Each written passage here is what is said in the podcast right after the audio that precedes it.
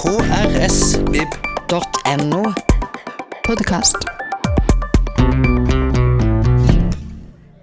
Hei og hjertelig velkommen til Fredagslunsj.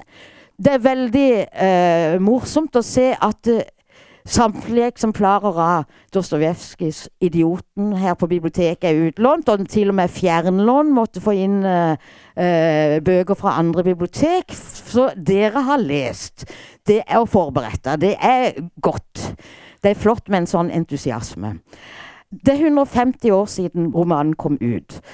Og det er liksom blitt en tradisjon, for vi har også hatt Det var 150 år siden Raskolnikov kom ut for to år siden. Så da hadde vi foredrag om det. I fjor var det Camus 'Den fremmede', og nå er det altså dette mesterverket 'Idioten'. Og til å snakke om det har vi fått Hold deg fast.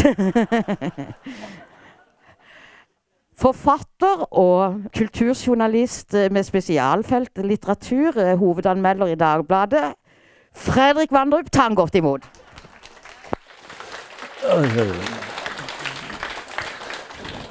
For en introduksjon. ja Så veldig hyggelig at det kommer så mange mennesker i disse førjulstider for å, for å høre på dette her. 'Idioten' kom altså ut i 1868.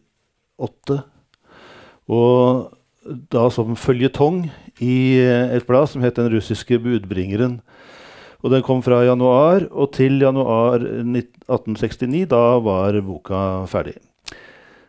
Det er jo en veldig fascinerende sammenheng mellom liv og, og verk hos uh, Dostojevskij. Og jeg tenkte jeg skulle begynne med å snakke litt om hvordan omstendighetene, de private omstendighetene til Dostojevskij var mens han holdt på med denne boka. Da, går vi tilbake til 1866, så, hvor da altså um, forbrytelse og straff ble fullført. På høsten 1866 så hadde, hadde Dostojevskij en avtale med en uh, forlegger som het Stelowski, om å levere en ferdig roman før 1.11. Men i slutten av uh, september, blir det vel da, da hadde han enda ikke enda ikke uh, fullført denne. Han, han, han, skjønte at han ikke kom til å rekke å skrive 'Forbrytelse og straff' ferdig og levere den, som egentlig var meningen. Så han tenkte hva, hva, gjør jeg nå? Hvis han ikke klarte å levere innen 1.11., så ville denne Stelowski få makten over ham på alle måter. Han ville, ville, ville da, ifølge eh, avtalen, uh, ha enerett på alt Dostojevskij skrev i ni år framover. Og, og uh, Dostojevskij ville i praksis bli en mer eller mindre livegen. Så, så det, det, han da gjorde, var å tenke Jeg skriver en bok til. Og, og dette var da uh, var, Han hadde da uh, sånn snaue fire uker på seg til å, til å gjøre det. Og ikke, ikke, hadde han skrevet en linje på denne boka. Så han, han ansatte en stenograf som het Anna Grigorjevna Snitkina. Og, og, og, fant ut at han skulle da uh, uh, diktere denne boka til henne, og hun skulle skrive den ut for han. Så satte han i gang. Uh, hun kom opp. Hun var en stor beundrer av Dostojevskij. Hun var var 24 eh, år yngre enn han, men hun, hun, hun, var altså meget fascinert av dikteren, for å si det sånn. Og, og, og, hun var en rasende flink til å stenografere, så hun tok ned, tok ned eh, det, det, han skrev, også i et vanvittig tempo. Og det han, det han begynte på da, var en bok som hadde arbeidstittelen 'Rulettenburg'. Rulettenburg. Og det, det, det, skulle da være en fiktiv by bygd på en del av de stedene Dostojevskij hadde vært og spilt på kasino. Så, så, de jobbet og jobbet. Han gikk fram og tilbake på gulvet og røkte sigaretter og, og kom med, med, det ene kapittelet etter det andre. Fire timer hver dag. Hun har skrevet noen linjer om hvordan hun oppfattet han når hun, når hun traff ham første gang. Og det, De lyder sånn Med det samme jeg fikk øye på Dostojevskij, syntes jeg han så temmelig gammel ut. Men så fort han begynte å snakke, ble han straks yngre. Han kunne neppe være mer enn 35-37 år. Han var i virkeligheten mye eldre. Han var middels høy og holdt seg usedvanlig rank. Det lysebrune, litt rødlige håret var pomadisert og omhyggelig kjemmet. Men det som først og fremst slo meg, var øynene. Det ene var brunt, det andre var helt utfylt av pupillen. En kunne ikke se regnbuehinnen. Denne forskjell ga blikket et gåtefullt uttrykk. Det bleke og sykelige ansiktet kjente jeg straks igjen, trolig fordi jeg hadde sett så mange portretter av ham. Han var kledd i en mørkeblå jakke, temmelig slitt, men skjorten var skinnende ren og hvit. Denne mannen gikk da fram og tilbake som sagt, på gulvet og, og, og, og, dikterte den romanen som skulle komme til å bli 'Spilleren', som, som jo er et, et av Dostojevskijs uh, hovedverk. De holdt på å bli akkurat ferdig i tide. De brukte 26 dager på å få ferdig denne boka. Og, og, eh, og Dostojevskij gikk og banket på hos uh, Stalowski, men Stalowski han hadde reist bort. Han var ikke hjemme. Og han tenkte da at det, nå blir det umulig for Dostojevskij å få levert denne boka, fordi avtalen var at han skulle levere den personlig. Så Stolevskij eh, gikk sammen med sin venn.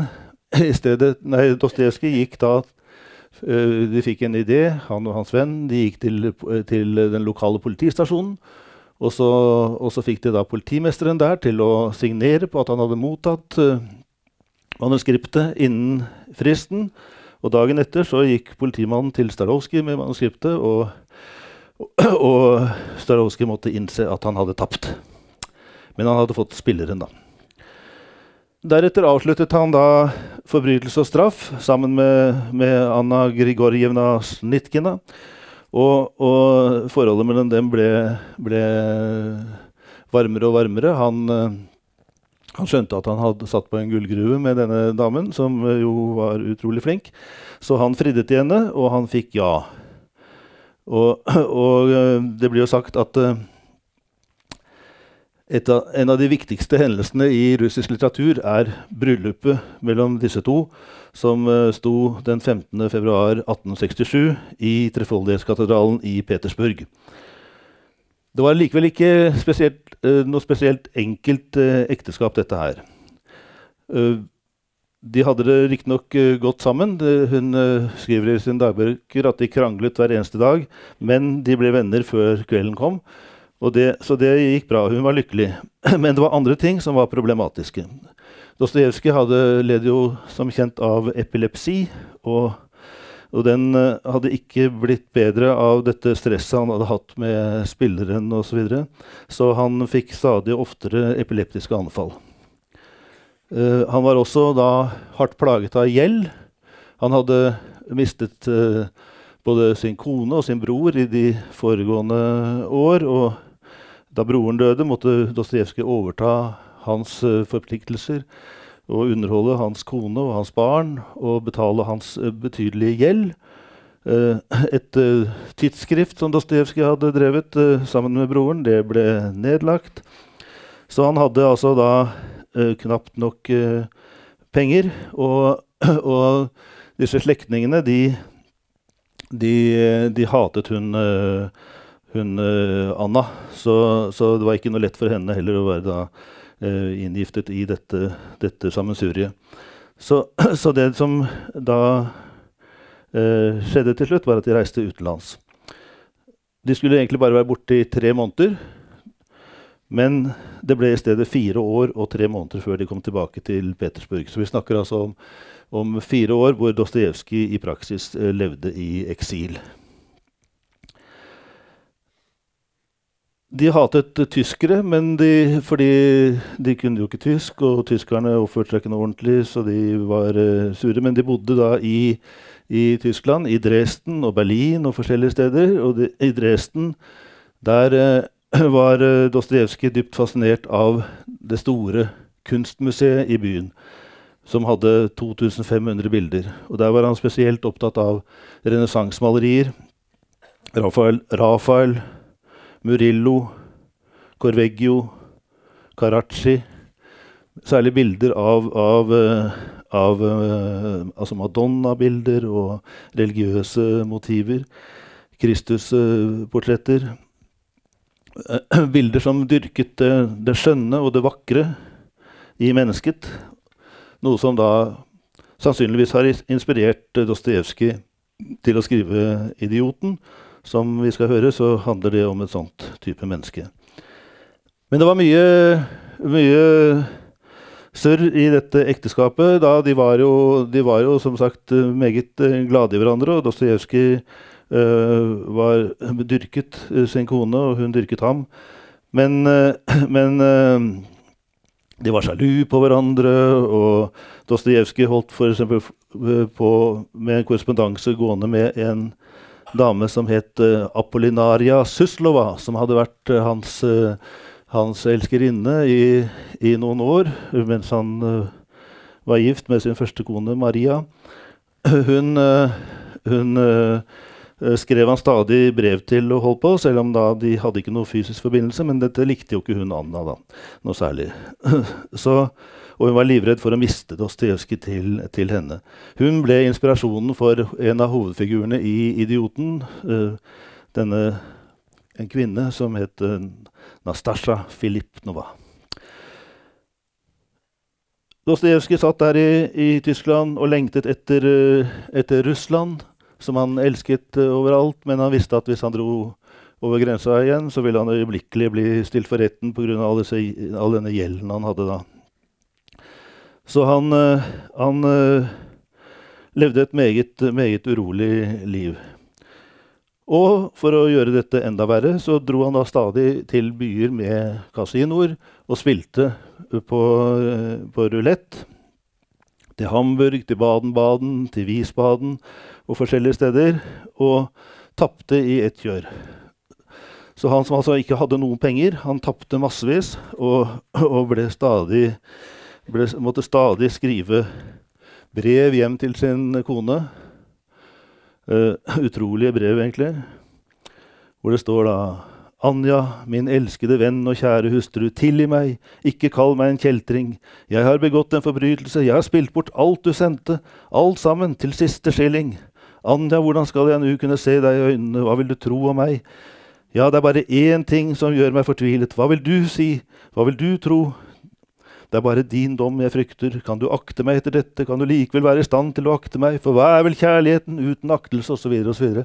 Dette her var ikke, var ikke bare ett enkelt brev, det var haugevis av brev som, som lød på samme måten.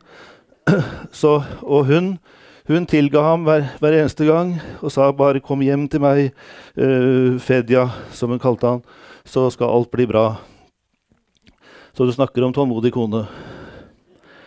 Hun var meget sjelden. Uh, men opp i dette, i dette med både epilepsi og dette å tape på ruletten og spille høyt og det, det virker som om det også på en måte ga Dostojevskij en, eh, en, form for, eh, for uh, rus, eller hva vi skal si, en sånn høyere ut av, ut av kroppen-opplevelse som, som, kanskje også har virket inspirerende, for hele tiden var han jo kreativ. Skrev og skrev. Og, og, og selv om da, han da ikke eide nåla i veggen altså de pantsatte alt de hadde. De pantsatte uh, pyntegjenstander, bryllupsgaver, smykker, gifteringer. Uh, vinterfrakken den pantsatte Dostojevskij flere ganger hver eneste vinter. Alt gikk med i, i dette, dette, sluket av spillegalskap. Så, så, men som sagt, han var, altså, hadde, da, hadde da stadig og det er det som er det forunderlige, at det oppi dette kaoset er mulig å være kreativ. Han, han grublet stadig over hva han skulle skrive, hvordan han skulle, skulle få til en, en, ny roman som han visste han måtte få til for å kunne overleve. Og ut av dette uh, kommer da til slutt uh, 'Idioten', da. Som, uh, som Geir Kjetsaa, som har skrevet denne fine biografien om, uh, om Dostojevskij, han skriver at boken ble en frelsesgjerning. en bot for det knusende skyld han følte for sine selvødeleggende lidenskaper. Ja, for Dostojevskij var jo på en måte en slags pennens proletar. Han, eh, han hadde jobbet alltid med forskudd, og han hadde som regel, når han fikk forskuddet, ikke, ikke skrevet en, en, linje. Så han, han, uh, han levde et problematisk liv. Og midt oppi dette så fødte også hun Anja en liten jente. Uh, 5.3.1868 så, så fødte hun en pike som de kalte for, for uh, Sonja. Og deretter flyttet de til Sveits, til uh, Genéve, og, og, og, bodde der i en, en periode. Hvordan idioten ble til, det er den, den er vel regnet for å være kanskje den mest selvbiografiske av, av Dostojevskijs bøker. Selv om han ikke hadde så store likheter med hovedpersonen, så er det mange av Dostojevskijs egne opplevelser som, som, går igjen i boka. For eksempel så er da hovedpersonen i 'Idioten', som heter fyrst Myskin, han, han øh, lider øh, veldig av epilepsi, og, og han øh, refererer til ting som har med Dostojevskijs liv å gjøre. For så forteller han i løpet av boka en lang historie om, om, om dødsstraff, og hvordan han har sett, sett med egne øyne et, en henrettelse i, i, Frankrike, og hvordan han også forteller en historie om, om en mann som som var dømt til døden og ble stilt på skafottet, men som ble, ble, benådet i siste øyeblikk. Og det er jo da en helt parallell historie til Dostojevskijs egen, egen uh, opplevelse da han var ung og ble arrestert fordi han var uh, politisk opprørsk og stilt på med, nærmest med galgen rundt hodet. Og så kommer i siste sekund så kommer da Eller det var ikke galge, det var som, soldater som sto klar med geværene. Og så kommer da beskjeden om at stopp, de skal benådes. Og så endte han jo da i Sibir, hvor han var, på, var i fangeleir i mange, mange år. Men han også, hadde også erfaring med å være på, på klinikk i Sveits, akkurat som Myrskin uh, hadde vært på, før han kom til, til Russland og handlingen i Idioten begynner. Oppfatningene til Musken som kommer til uttrykk i, i, replikker, de er ofte nesten ordrette utdrag av de brevene Dostojevskij skrev i denne perioden. Og de kvinnene som opptrer i boka, det er to stykker. De er inspirert av da hun uh, Apollinia, som, vi, som, jeg nevnte så vidt, og, og, en annen dame som het Anna Korvin Krukovskaja, som uh, Dostojevskij også hadde en del med å gjøre før han traff sin stenograf.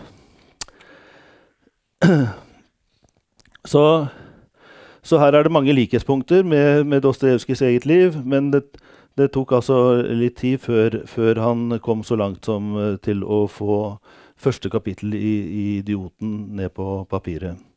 Det han hadde, hadde gått og syslet med tanken om, var å, å skildre en, en russisk idealskikkelse. En slags russisk helgen, en Kristusfigur for det russiske folk. Et menneske som kunne overvinne alle sine egoistiske tilbøyeligheter og elske sin neste uten baktanker. Altså at uh, og, og, og, tilgivelsen skulle være den, den, ytterste dyd hos dette mennesket. I Russland er det en tradisjon med, med noe som uh, heter jurodivy, ifølge eksperten Kjetso. Den hellige dåre, den hellige narr. Altså en, en, en helgen som har, har eh, noe enfoldig over seg, og som uten å nøle utsetter seg for omgivelsenes ydmykelser. Og som altså har en evne til å takle ydmykelsene som utgjør hans utstråling.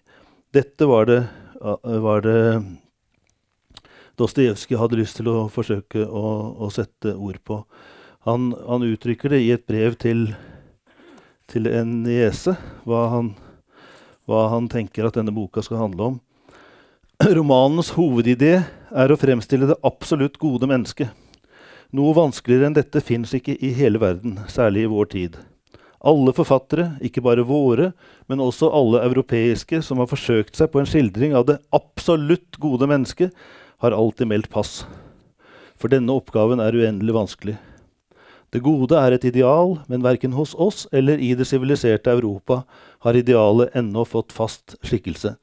I hele verden finnes det bare ett absolutt godt menneske, Kristus, og, og, og følgelig er den blotte eksistens av denne ene uendelige gode skikkelse i seg selv et ufattelig under. Hele Johannesevangeliet er blitt til over denne tanke. Det ser hele underet i det godes fremtreden, i den fullkomnes legemiljøelse i kjøtt og blod. Så det var ikke noe i veien med, med planene. Han uh, uh, som altså kommer inn i, i, uh, i handlingen her som et uh, hemmelighetsfull outsider. En annerledes, en fremmed i, i, i, den verden som han trer inn i. Han er en idiot. Og da er, det ikke idiot i den betydningen vi vanligvis bruker det til daglig. Din idiot. Det er, eh, det, er, eh, det er, da et naivt uh, menneske som, uh, som uh, ikke oppfører seg slik som det er forventet men som tror på, på, på, på, det gode, og som ikke kjenner følelser som hat og sjalusi og grådighet og maktbegjær. Han er et eksempel, et ideal å strekke seg etter, skriver Kjetså. Så det er altså ikke, ikke, nødvendigvis at han går rundt og gjør gode gjerninger og, og undre hele tiden, men at han har en holdning til livet som, som skiller seg ut. Mens uh, hun Altså, det er jo mange henvisninger til, eh, til uh, Bibelen her. Um, for eksempel så er altså denne Nastasja, som, som er meget en, en, en, utpreget sånn, skal vi kalle det for, en, en femme fatale. En, en fristerinne, meget vakker kvinne som, som også oppfører seg irrasjonelt og, og, og gjør det vanskelig for mennene rundt seg. Hun tilsvarer da på en måte denne synderinnen som, som Jesus tar seg av. Som er ikke hun kjent som Maria Magdalena.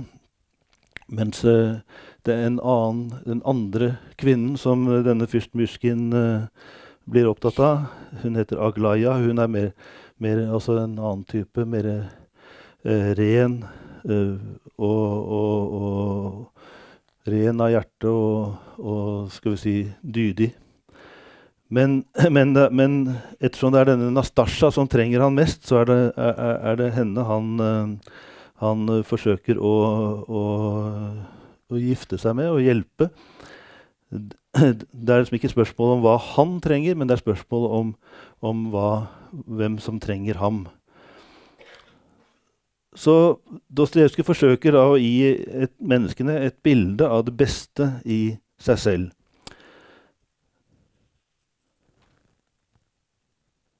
Og det gjør han da i, i, under de omstendighetene jeg har skissert. Disse, dette ekteparet drar altså til Italia og til Milano og i, til Firenze, Dantes fødeby. Og da, da, fikk han endelig den inspirasjonen som skulle til å skrive, skrive slutten på, på 'Idioten'.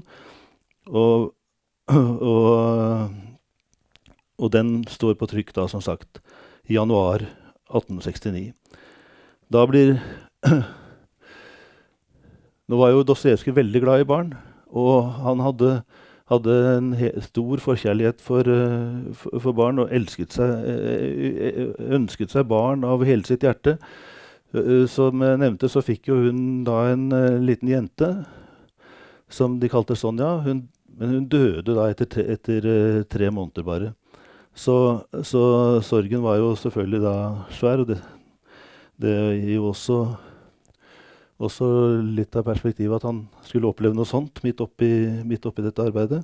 Men, eh, men eh, hun fikk da et, en ny datter i året etter, og, og hun overlevde. Eh, også Musken er jo veldig opptatt av, av barn og sier på et visst tidspunkt i boka og Gud, når et barn ser på en med disse nydelige små fugleøynene, så tillitsfulle og lykksalige, da må man bare skamme seg over å bedra dem, sier han. Og, og det er også vitnesbyrd om Dostojevskij, uh, hvordan han oppførte seg da hun fødte den første, første datteren. Lenge lo han på kne foran sengen min og kysset mine hender. De første ti minuttene var vi så bedøvet av lykke at vi ikke visste om vi hadde fått pike eller gutt. Vi hørte først en kvinnestemme som sa 'En gutt, ikke sant?' Og litt etter en annen 'En pike. En bedårende pike'. Og Jordmoren sa hun aldri i sin mangeårige praksis hadde sett en far så ute av seg i glede over sitt nyfødte barn. Dette tilsvarer jo også på en måte noe av dette eh, når han bruker det i romanen. Dette med med Jesus, som, eh, som eh, omga seg med barn. Og la de små barn komme til meg, osv.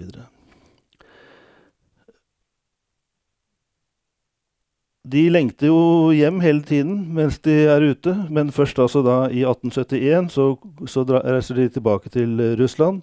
Vært borte altså, som nevnt i over fire år.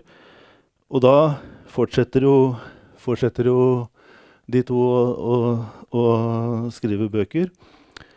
Han eh, blir kvitt spillegalskapen i 1871, rett før han drar hjem for godt. Og de to, de to jobber sammen da de siste, siste eh, ti årene av Dostojevskijs liv med å lage eh, bøker sammen. Altså ikke at hun skrev det, men hun hjalp han jo selvfølgelig helt, uh, helt, helt uh, nødvendig hjelp med å få dette på papiret. Så da kom historien om en ektemann og de besatte og ynglingen og til slutt brødrene Karamazov på, på løpende bånd. Fantastisk livsverk. Døde 58 år gammel med hele der, alle disse romanene bak seg. Vel, eh, 'Idioten' den hadde altså to, to forløpere som Dostojevskij begynte å jobbe med i 1867. Eh, I den perioden jeg har eh, snakket om nå. Den første boka har han beskrevet uh, som en historisk roman som skulle hete 'Keiseren'. Og den skulle handle om Ivan den sjette, som, uh, som, var en mulig arving til, uh, til, til tsar-tittelen. Men han ble da av Katarina 2., som, som satt på tronen, sperret inne. Og der satt han inne i fengsel til han var 16 år. Så var det en en offiser som prøvde å redde ham ut og få satt ham på tronen, men, uh, men de ble avslørt og grepet, og alle ble, alle ble henrettet, inkludert Ivan 6. Men det som interesserte Dostojevskij med den skikkelsen, var at han hadde sittet inne i, i, i, fengsel i hele sitt liv og på, på, en måte vært isolert fra samfunnet, og at han da han ville gi ham uh, trekk som minnet om de han senere kom til å gi Mysjkin, nemlig denne uskylden som, som, hadde, som han var, var, i besittelse av fordi han ikke hadde vært, vært, ute blant mennesker og blitt fordervet. Så øh, ga han opp det prosjektet. Dette ville jo blitt en historisk roman, og Dostojevskij skrev aldri noen historisk roman. Så, så denne, dette la han bort. Så ville han bygge begynte han på et nytt prosjekt, og da hadde han interessert seg for en, en historie fra, fra avisene. Dostojevskij leste aviser. Han var veldig opptatt av aviser og leste alt. Han leste notiser, og han fant stoff eh, til fortellinger overalt. Og han fulgte med på en rettssak eh, mot noen foreldre som hadde holdt en ung kvinne fanget og sultet og mishandlet henne på alle slags måter. Og, og dette ble en, eh, ble en langvarig rettssak som, uh, som uh, det sto mye om i, i pressen.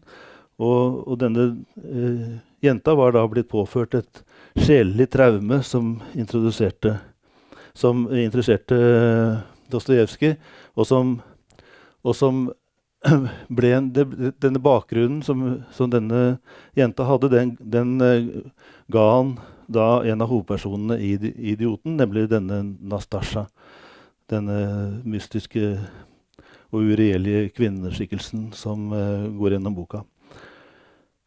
Hennes uh, der beskrev han da, Men der, her hadde han enda ikke introdusert uh, Myrskin. Han skrev bare om, den, om, om denne kvinnen og hennes familie. Og det skulle bli en bok med et sant inferno av lidenskap, mord, selvmord, voldtekt, incest og djevelskap, som det står beskrevet. Uh, men da han var kommet til desember 1867, og altså hadde meget kort tid på seg til å levere første kapittel av 'Idioten' til, til, til den russiske budbringer, så fant han ut at dette her ikke holdt ville ikke ha noe mer med det å gjøre, og kastet det på peisen. Så han, eh, han eh, satte seg da selv igjen på, på, i den ytterste nød. Han hadde ikke skrevet et ord av, eh, av den romanen han hadde lovet bort. Og, og, og, han begynte helt på nytt igjen. Så i mest, halve desember bruker han da på å sitte og, og spekulere på hva han skulle gjøre. Uh, og han skriver uh, et, et, sted om den hovedpersonen som han går og grubler på, at han er en gåte på gåte. Hvem er han egentlig? Er han en feig slyngel eller et mystisk ideal? Men han gir svaret. Han er fyrste. Fyrste og idiot, og han hører hjemme blant de små barn. Det er den karakteristikken som Dostojevskij selv gir av fyrst Myskin som, eh, som blir hovedpersonen. Idioten. Så 18.12.1867 begynner han å skrive. Og han har klart for seg at han nå skal skildre en gjennomført skjønn og edel skikkelse, som vi hørte her i stad. En slags uh, russisk uh, Kristusskikkelse som, uh, som skulle, skulle være et alternativ til til den Kristus som, som man lærte om i, i, Vesten. Og så skriver han uh, da uh, første kapittel og sender det som avtalt i slutten av desember. Helt på kanten. Og kjempet seg gjennom da stoffet gjennom hele 1868, mens han leverer kapittel etter kapittel til, til Katkov, som, som, utgiveren het. Og, og, det er slik da denne boka er blitt til. Jeg tenker liksom han Det er jo en utrolig arbeidsprosess som, som må jo være preget av å være i en totalt desperat situasjon. Og dette kan selvfølgelig ikke unngå å sette sitt merke på, på det han skriver, så boka får jo da en veldig intensitet. Ja, vi er jo straks inne i når vi, når vi, kommer til 'Idioten', så er vi jo straks inne i en uh, karusell av forviklinger som en danske, dansk forsker som heter Wilhelm Grønbech ganske treffende har, har karakterisert det. det er, det er, det er liksom et enestående kaos som, som, møter en hver gang man åpner et nytt kapittel av Dostojevskij. Disse russerne er jo spenna gærne. Og, og, og, samfunnet er, er merkelig preget av, av uh, intriger og og ikke minst skryt og svindel og, og, og, fyll og hor. Så, så grev han fyrst Myskin kom jo inn i dette som en, som en veldig annerledes person enn det som, som preger samfunnet ellers.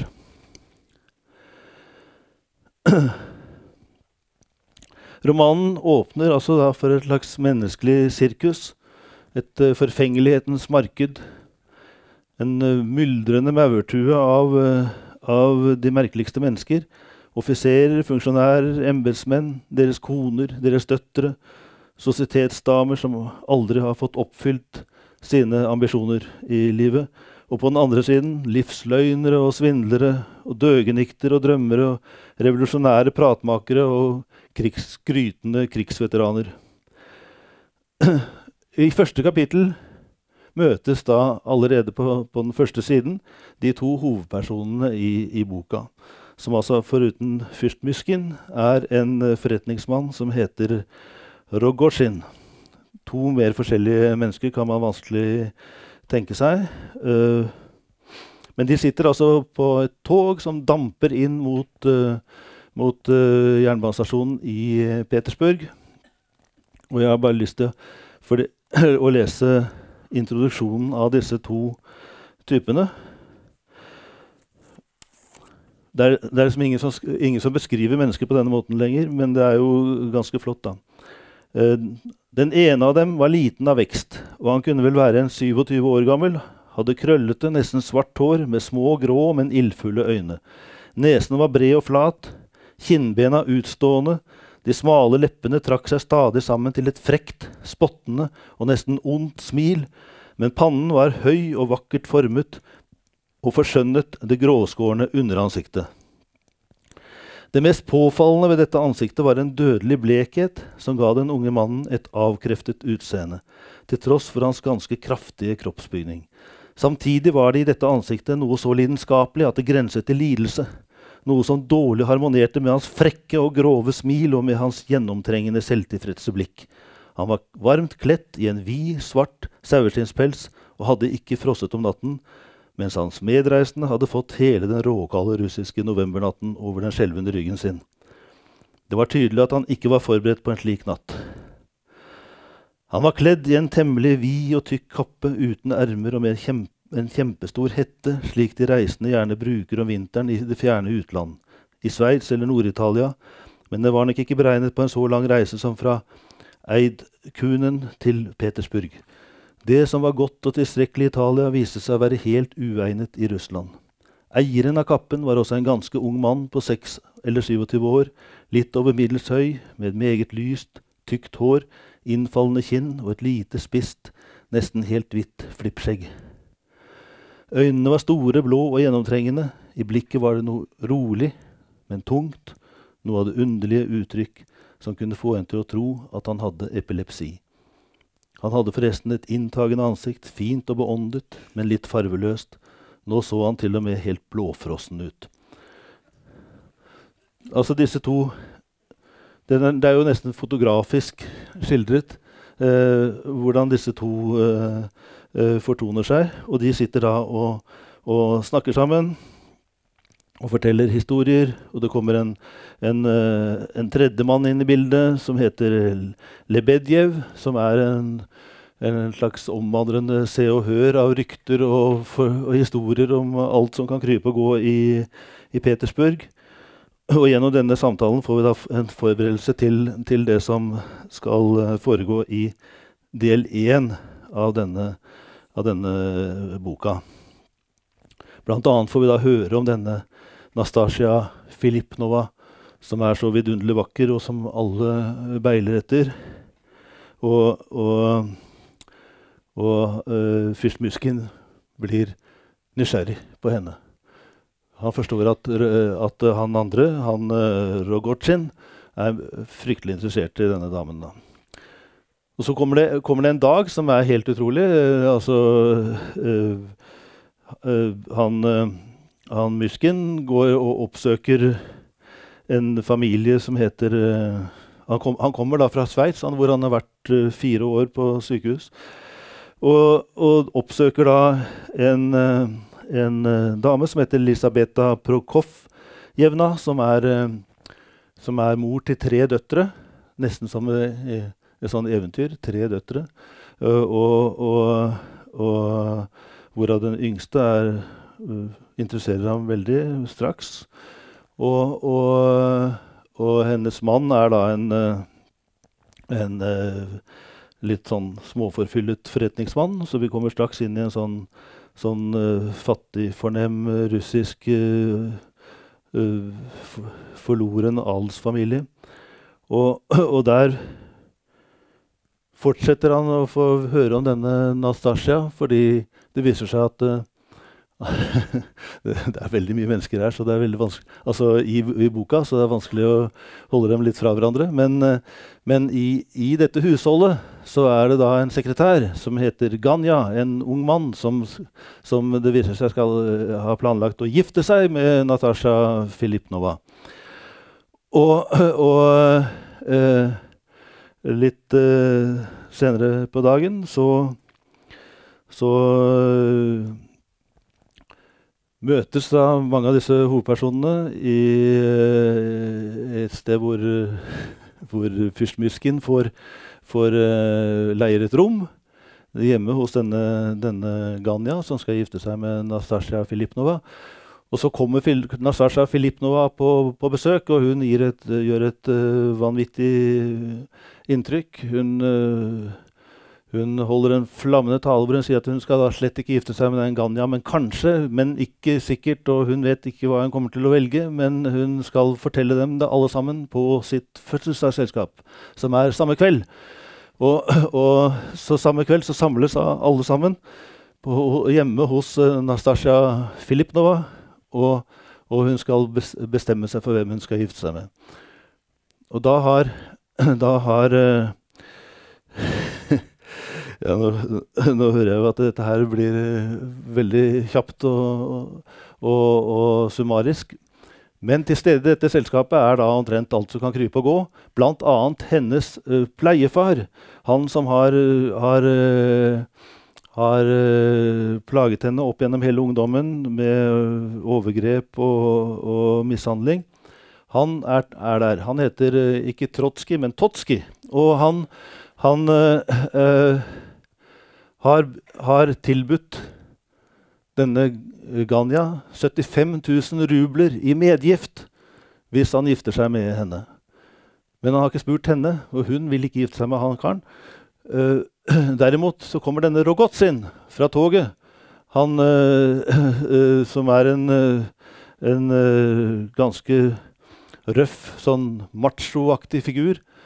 Han bryter inn i selskapet med en bande med fyllerører og surrebukker som, som, nærmest invaderer hele selskapet. Og så sier han at han byr 100 000 rubler for Nastasja Filipnova. Og på toppen av det hele så sier fyrst Myskin at 'jeg vil gifte meg med Nastasja Filipnova'. og så hun ble stående eh, da med, med valgets kval. Først så sier hun at hun, ja, hun kan tenke seg å gifte seg med fyrst Myskin, for hun har alltid drømt om en mann som er så ren og, og, og, og, plettfri som han. Men når alt kommer til alt, så faren eh, bort til han, eh, han Ragotsin allikevel og sier at 'jeg tar meg med'. Og gi meg de 100 000. Og så tar hun de 100 000 og så kaster hun dem på peisen og sier den som da vil ydmyke seg for meg, kan gå og ta disse pengene ut av peisen igjen. altså, eh, som dere skjønner, stort drama hvor, hvoretter Filipnova forsvinner med, med Ragotsin og hans bande, mens disse pengene ligger og brenner på peisen. Og en, en fyr kaster seg selvfølgelig over dem og klarer å redde dem i siste øyeblikk. Da. Dette er uh, første del av uh, Idioten. Og vi er da introdusert for, uh, for hovedpersonene. Og fyrst Myskin, han, han, han er da er da Uh, overhodet ikke bitter eller innesluttet pga. Dette, men han, han, slutter ikke å drømme om uh, hun Filipnova. Så, så han, han dukker opp igjen da i andre del, hvor, hvor det da er gått seks måneder. Og man får en del tilbakeblikk på hva som har skjedd uh, siden sist. Uh, Ragotsin han har oppsøkt uh, Nei, Myskin oppsøker Ragotsin i Petersburg og oppdager at han har ikke bare mishandlet Natasha, men han, han, han, har også sagt at han vil drepe henne fordi hun tenker bare på, på Myskin, og det kan han ikke kan han ikke uh, leve med. Så, Så forsøker han da til alt overmål også å drepe Myskin, men Myskin får et uh, epileptisk anfall akkurat i riktig øyeblikk, sånn at, at det ikke, ikke, skjer. Så, så denne, denne, rivaliseringen da mellom, mellom Myskin og Ragotsin, den, går, den fortsetter ut gjennom, gjennom, boka. Og for å dette er jo en lang historie, og det er masse utrolige skikkelser som dukker opp, uh, dukker opp innimellom. Uh, Fyrst Myskin er jo arving da, til, uh, til et, som tittelen tilsier, et slags sånn fyrstetittel. Og med den følger det også en god del med penger. Og på et visst tidspunkt så kommer det også en, en bande med svindlere som forsøker å si at de skal ha sin del av, av den kaka og Musken han er jo ikke sånn som da sier det skal dere søren meg ikke, dere er ikke arvinger til noe som helst. Nei, han sier at ja, selvfølgelig skal dere få dette. Han, han, er altså en sånn fyr som gir etter for omgivelsene, men, men fordi han er altså da forsøksvis uh, bare god. Dette ruller og går, da. Uh, og Sluttscenen er er, er jo, da helt eh, Da skulle jeg nesten kanskje ikke røpe den sluttscenen, fordi at det er, eh, er jo en viss spenning her, men jeg må jo må nesten gjøre det.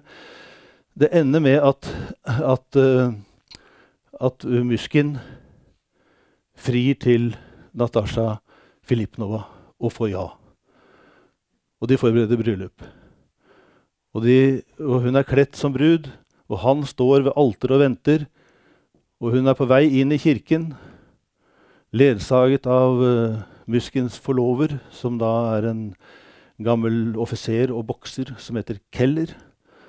Og, og, de står på trappen. Keller er klar til å gå ned kirkegangen. Så snur hun seg ut mot uh, folket. Det står svær folkemengde og ser på dette her. Og så ser hun et, et par øyne bakerst i folkemengden, og det er Agotsin. Og dermed så, så, så, så, løper hun vekk fra Keller, ned kirketrappen, ut til folkemengden, bort til Rogotsin og sier Ta meg med! Ta meg med! Uh, hvor som helst. Og han løfter henne opp og bærer henne bort til en vogn som han har stående klar, og, og sier til sjåføren Kjør! Og hvis, her har du 100 rubler, og hvis du klarer å komme til stasjonen før toget går, får du 100 rubler til og dermed så feier det av gårde. Så skjer det veldig dramatiske ting også etter dette.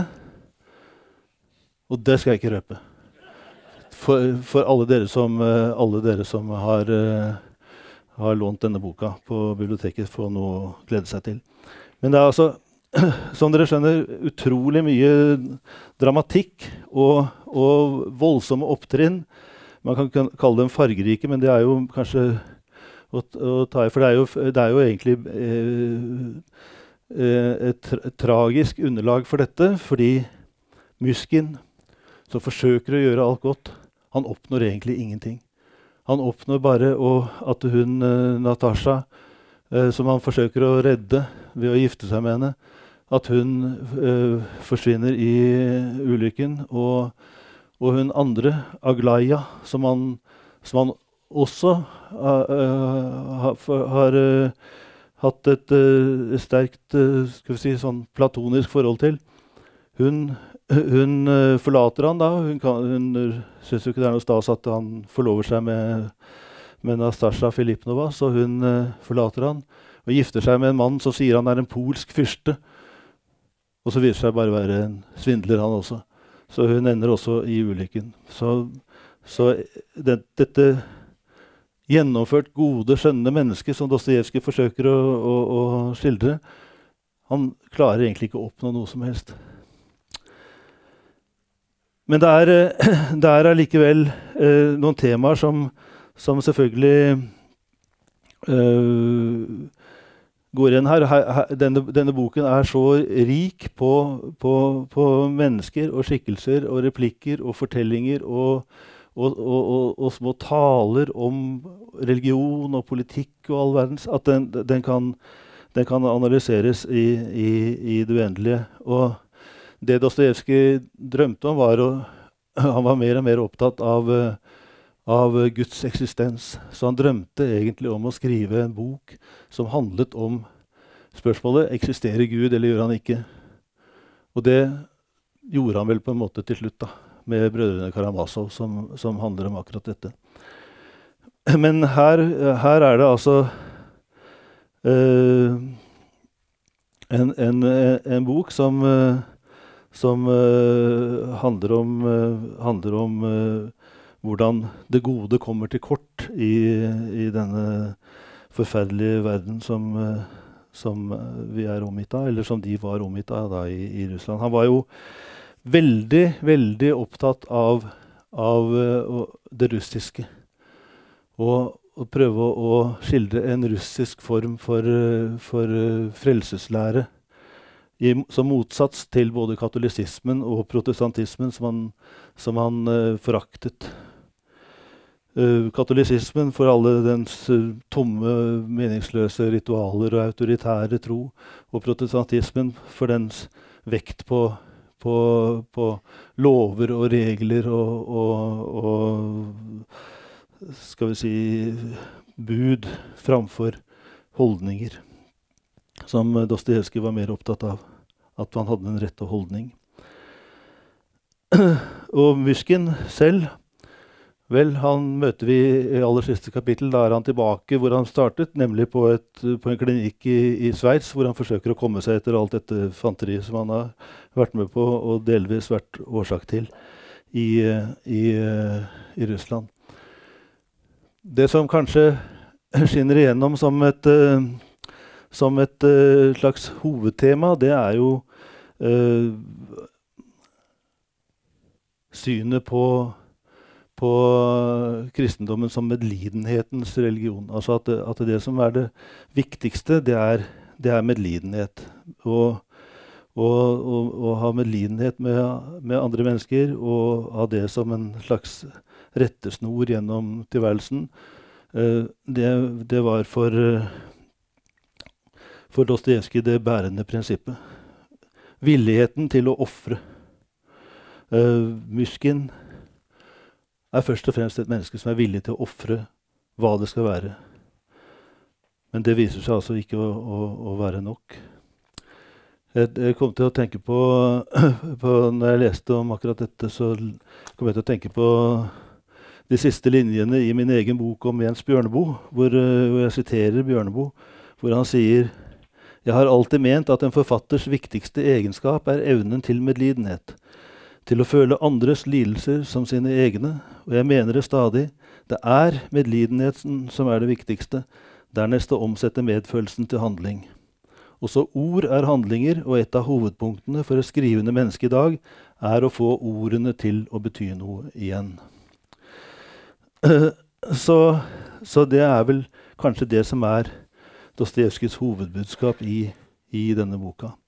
Når det gjelder måten den er skrevet på, så er jo den også ganske, ganske revolusjonær for den tiden som den ble skrevet i.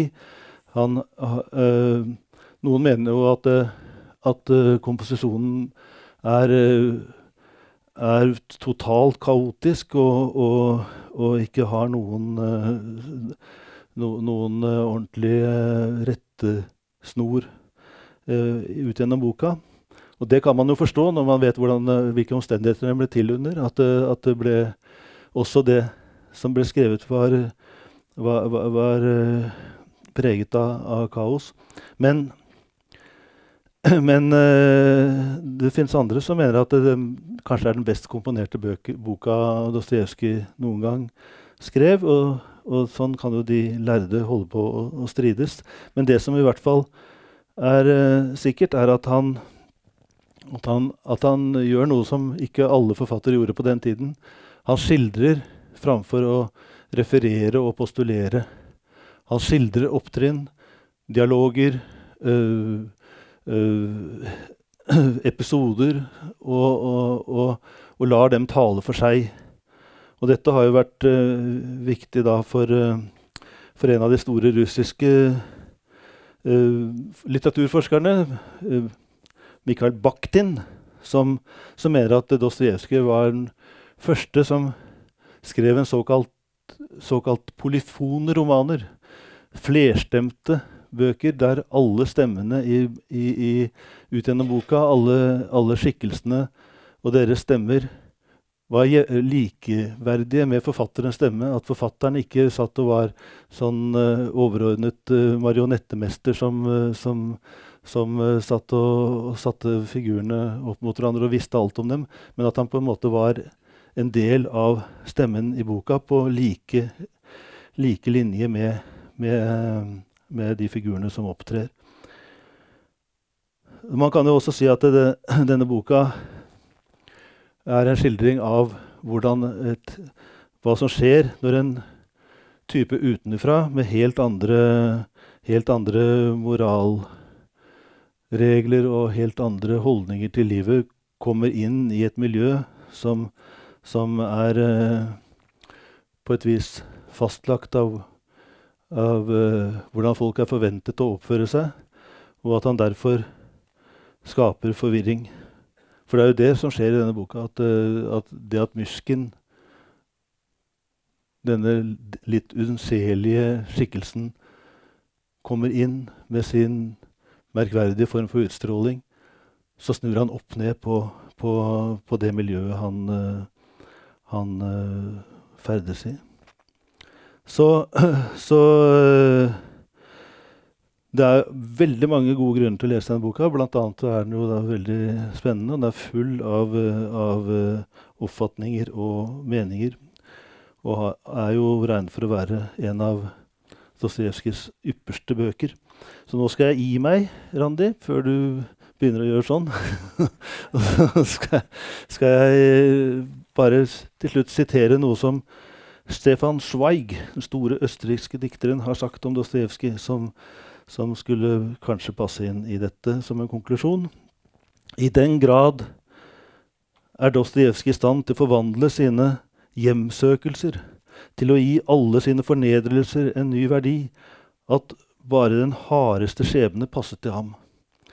For nettopp de ytre farer i tilværelsen har han, har han brukt til å utvinne den høyeste indre sikkerhet. Hans lidelser blir hans gevinst.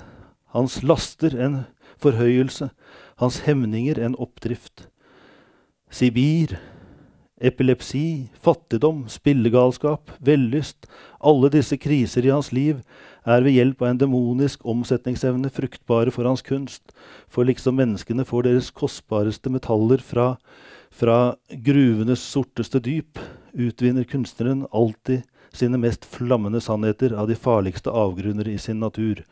Kunstnerisk sett er en, en, tragedie er Dostojevskijs liv moralsk sett en erobring uten like, fordi det er menneskets triumf over sin skjebne, den indre trolldom, som har gitt den ytre eksistens en ny verdi. Takk skal dere ha.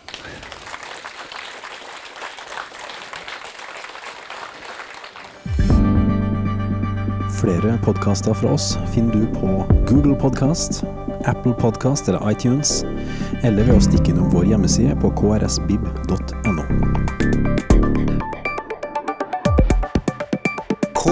krsbib.no Podkast.